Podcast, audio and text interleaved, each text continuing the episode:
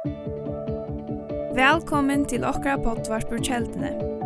Loika mykje hvert var stater i dag, så vana vi at hesen båskapring kan være til oppbygging for det og for tukt antall av loiv. Takk for at du loir av og njød dagsens båskap.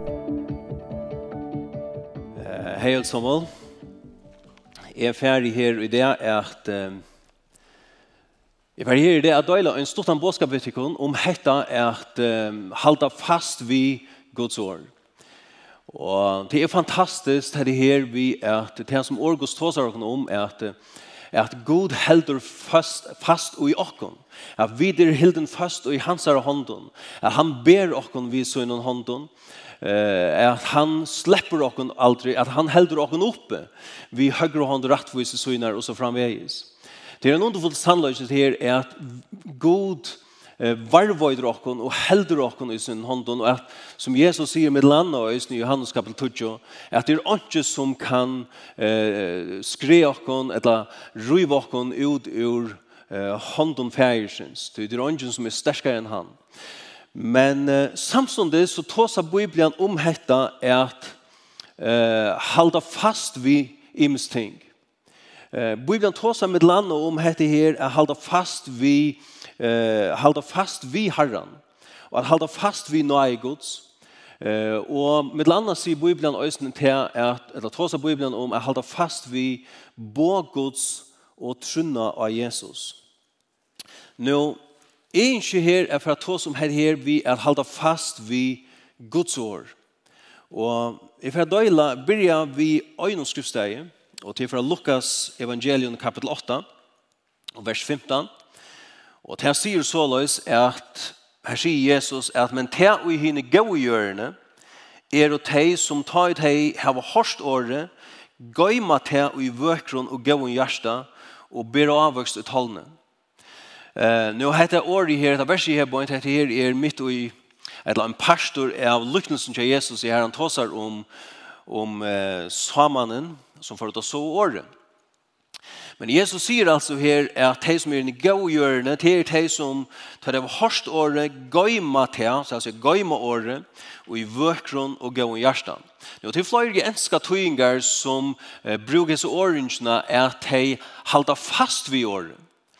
Og den øyne enska tøyingen, hon sier såløys, og jeg lukker lest av første enskån, hon sier såløys at they respond by clinging to the word keeping it dear as they endure all things in faith. Vi kunde nøkkelunde omsette såleis at de krøtja seg til året og halda det karst medan de og i trunne halda ut. De krøtja seg til året, de halda fast vid året. Amen. Etla goima te og i sin hjärsta som eh, hentan her først skal tog inn til sier. Nå, jeg minnes for noen år så gjerne, eh, vi til å møte her en kvinna kom fram til min vi enda av møten og her hon yngste at jeg skulle be for henne. Og hon var i djupast og nei hon hei bruk for en ondrønne bruk for en mirakel fra gode. Og hon kommer fram til min og døyler vi med hvert i hennes støv av vær. Men utan att färra i detaljer vi henne stöv så, så ser vi henne eh, att vi ska förbi samman och jag kände mig här och ta løttan till att döjla avskrift vi henne eh, från eh, från Matteus evangelion och, och till kapitel 18 vers 19 som tås om bön. men men ta stutta er at vi lenga og i tog vittnesboren er at vi handla på at her verset og i trygg Vi, vi bøo ut fra tog skriftstenen. Vi bøo for henne støve. Vi stod sammen i trygg om, om henne støve. Og, og hun får så av sted. Eh, nekrar få der etter, så snakker vi så som kvinna. Og ta har hun opplevd bønarsvære. Ta har hun finnet det som hun ber om. Hun hei det her undre og i sin løyve. Og det som jeg husker om, vi hesen her, det som hun fortalte meg at nå, det var det her at hun sier meg at fra tog løtene hun heie, fra tog løtene hun heie, bie, eller vi hadde bie sammen, og inntil hun sa bønarsvære, skjønnligt for sin neion. Eh, ta kjente hun det som om til at hun la av øynene, eh, rek av øynene opp noen heve, og, og, her hon, her heter verset her, vær som en platje, som en, en, akkurat som en redningsplatje som hon krøkte seg til. Hon, hon hei krøkse til dette året, hon hei krøkse til dette lyftet som Jesus gav oss noen bøn. Og så kjente hon det hese tøyene inntil hon sa bønner sværen. Men hon gjør det just til at hon gømte til året, hon helt fast vid til året til lyfte, hon krøkte seg til til året som Jesus hei giv i åkken, til, til lyfte om bøn og bønarsvær. Og hon opplevde undru i sin liv, hon opplevde at Gud gjør det et mirakel i henne løyve. Nå, er det her vi er halda fast vid året. Eh, det kan øyne lyknast vi eh, et skip som er i en øtnarvekkere her vi må eh, surre alt fast, at han farm og imest anna, at vi må binda til fast nyer for at ikke skal fære for vår. Og så løs må vi vi først øsne eh, binda eh, etla halda år noen rimmar fast i okra løyve. Eh, kanska tog vi til tog er er i en ødnar vekkere, i en storme røynt andalega. Og, og vi er og til tøyer i en slik støvån. Her vi få medkongt. Her vi er og kanskje i flottarmersking er og i øynene og i øynene illvekkere. Og det er tøyer tar vi har bruk for virkelig å holde fast vid Guds år. Holde, holde rimmar fast vid det, så det er ikke fer for bor i åkere løyve. Men det er øyne er at tøyer her og i tryggvande missa året, eller sleppa årene. Og det er ikke tøy endelig at de er i en storm eller en ødnarvekkere. Men her teg heldur vekna lyka selo, og tog teg gerast flegv andalega. Og i ui tar uienskapet for herren, at teg sleppa hesen årene. Det er et vers, og et bibelvers, som jeg har vi nok som jeg om i Sassanias tøyna, og det er fra Hebreabraun kapitel 2, og vers 8. Og det sier så løs at, og her er, er mitt ui kan man godt si ui, ui, ui, einon, einon, einon sannløyga som Paulus ber fram her, eller som ridhøvnderen her ber fram, vi vujande Jesus i Kristi, til, til båskapen som vi da finner om Jesus. Men han sier her, at, vers 8, at tui mu vi så mykje meire akte etter tui, som vi da var hørst, så vi reka ikkje borster fra tui. Um, det er så omgjentlig lagt at reka bostur fra nøkron. Det eneste som vi, vi i verleggen skulle gjøre for at reka bostur fra øynene kvarjon, som vi det har helt fast vi, ja, men det er i verleggen bare vi har sleppa. Eller det vi kunne sagt på en annan måte, at det eneste som skal til i verleggen for at reka bostur fra nøkron, det er ikke gjøre. Uh, til dømes, vi kunne tidligere til døme vi at vi er ombord en båte, at hvis du er i en båte og legger stilt, og det er lysende av strømme, så skal bare hette her til til at du ikke gjør, til at du legger stilt.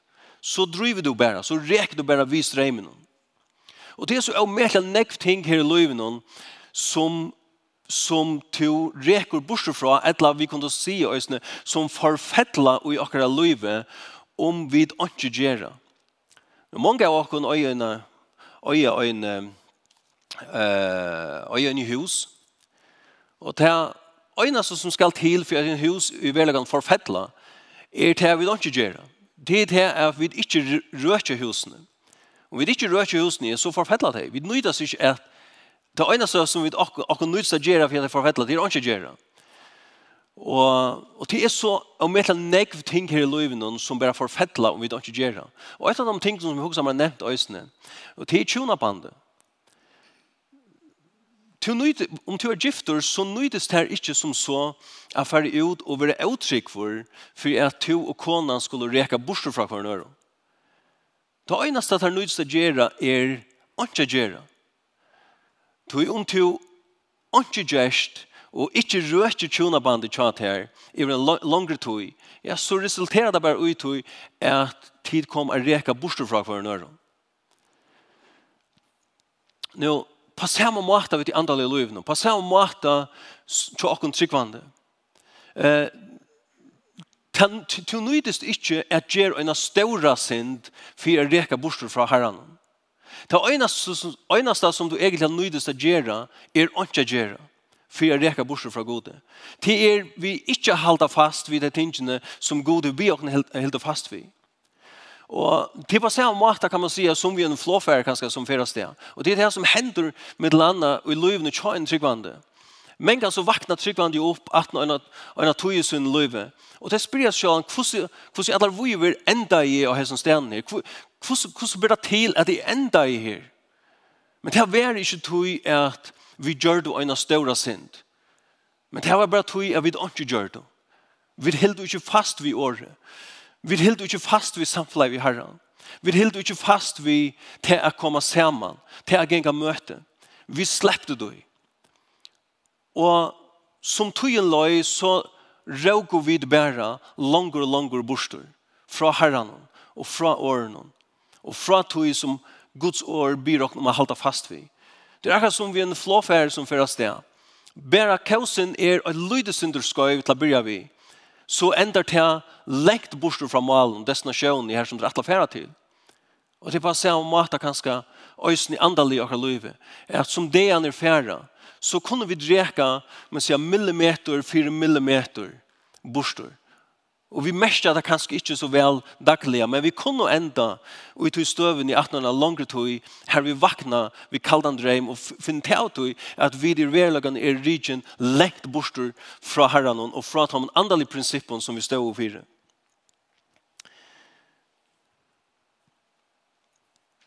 Men det er nøye fra herran å få, og det er mulig å komme etter til herran. Og jeg snitt det. Du kan brøyta kausen sin liv. Du kanst venda atur inn til det som Gud kallar deg til. Det som du har atlar til liv og som en tryggvande. Bibelen sier at at Gud vil kalla okkon til å liva og et dagligt samfunn vi Herren Jesus Kristus. Og til å liva i årene. Og, og det er mulig det til å venda atur til Herren til å si av i herren, herre, fire gjemmer for at jeg har vært sløver, fire gjemmer for at jeg har vært, vært andalige flekkfor, eller kaltor i min liv. Fire gjemmer er at fire min andalige tilstand. Jeg ikke kom atter til togjen. Jeg ikke livet sammen med her. Jeg ikke være en brennende kristen. Amen. Jeg er ikke øyne her, det er lykke øyne helt stort at fære til tve skrifter fra Hebreerbrevet kapitel 2, Annars skriftsteg tås nemlig om et her øysen vi til at halda fast. Og det er Hebreabrev kapitel 20, vers 23. Og det sier såleis at lærte i okkon halda og vigilia fast vi jotting vøvnar okkara. Tui han er trofastor som gav lyfte. Lærte i okkon halda og vigilia fast vi jotting vøvnar okkara. Eh så jag önskar ønsker tøyinger bruker til la sia låta jag kan hålla fast vi jottingsne av okkara trygg.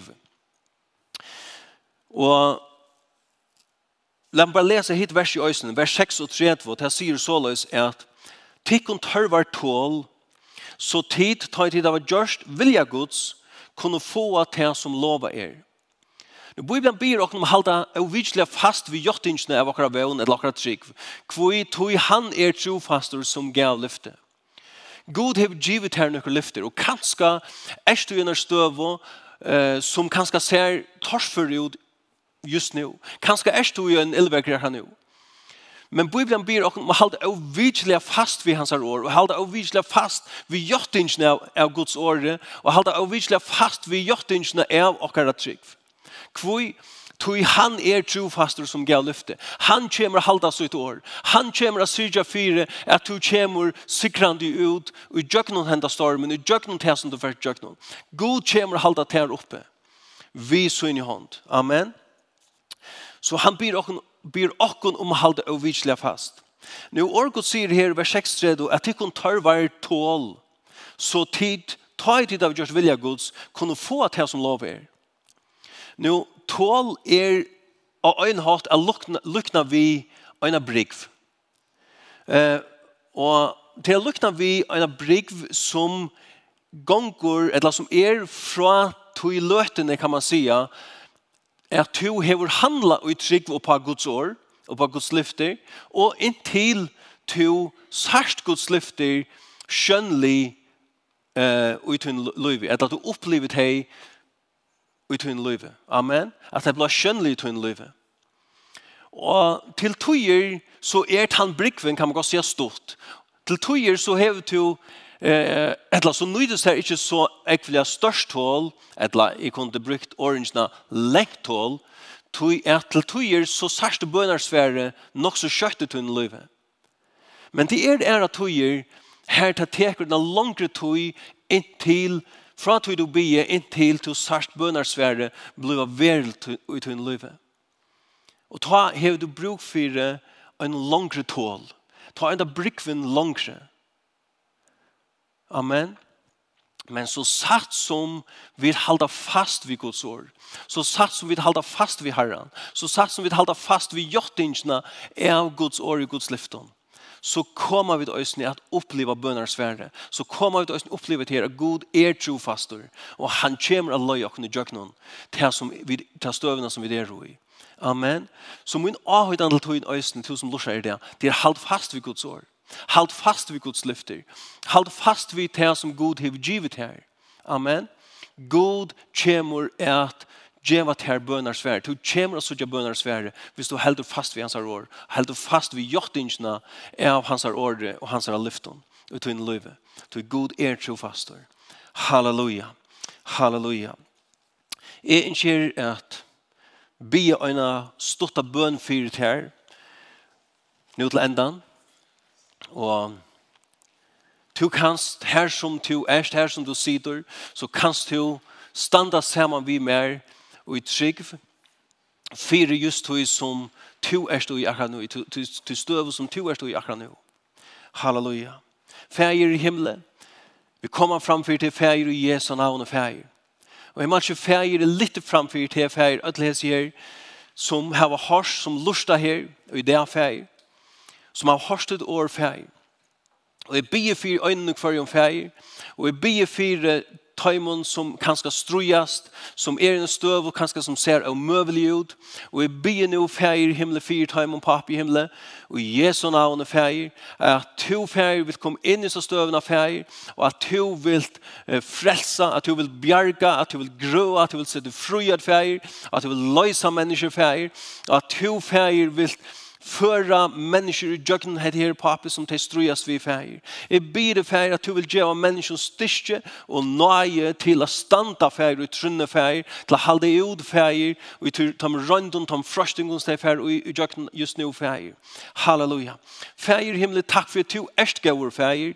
Takk for at du er trofastor feir og at du vil halda tutt lyfte feir. til som du giver jo hon feir himmelske feir, så han blir øyne for øyne kvar som høyre mye i det feir, og som kanskje er ryggen borster fra tøyden året, som ryggen borster fra her. At to øyne vil kalla av vikommande feir, at du vil gjeva vikommande nøye feir til å vende om til tøyne i det feir, og til at i vil gjeva seg av nødgjøn til tøyne. Feir, takk for feir. Takk for at du er gauur. Takk for at du er trofastur. Og takk for tøyne lyfte feir. så mange som de er, at de er og sånn, og at de halda feir. Og i Jesu navn. Amen.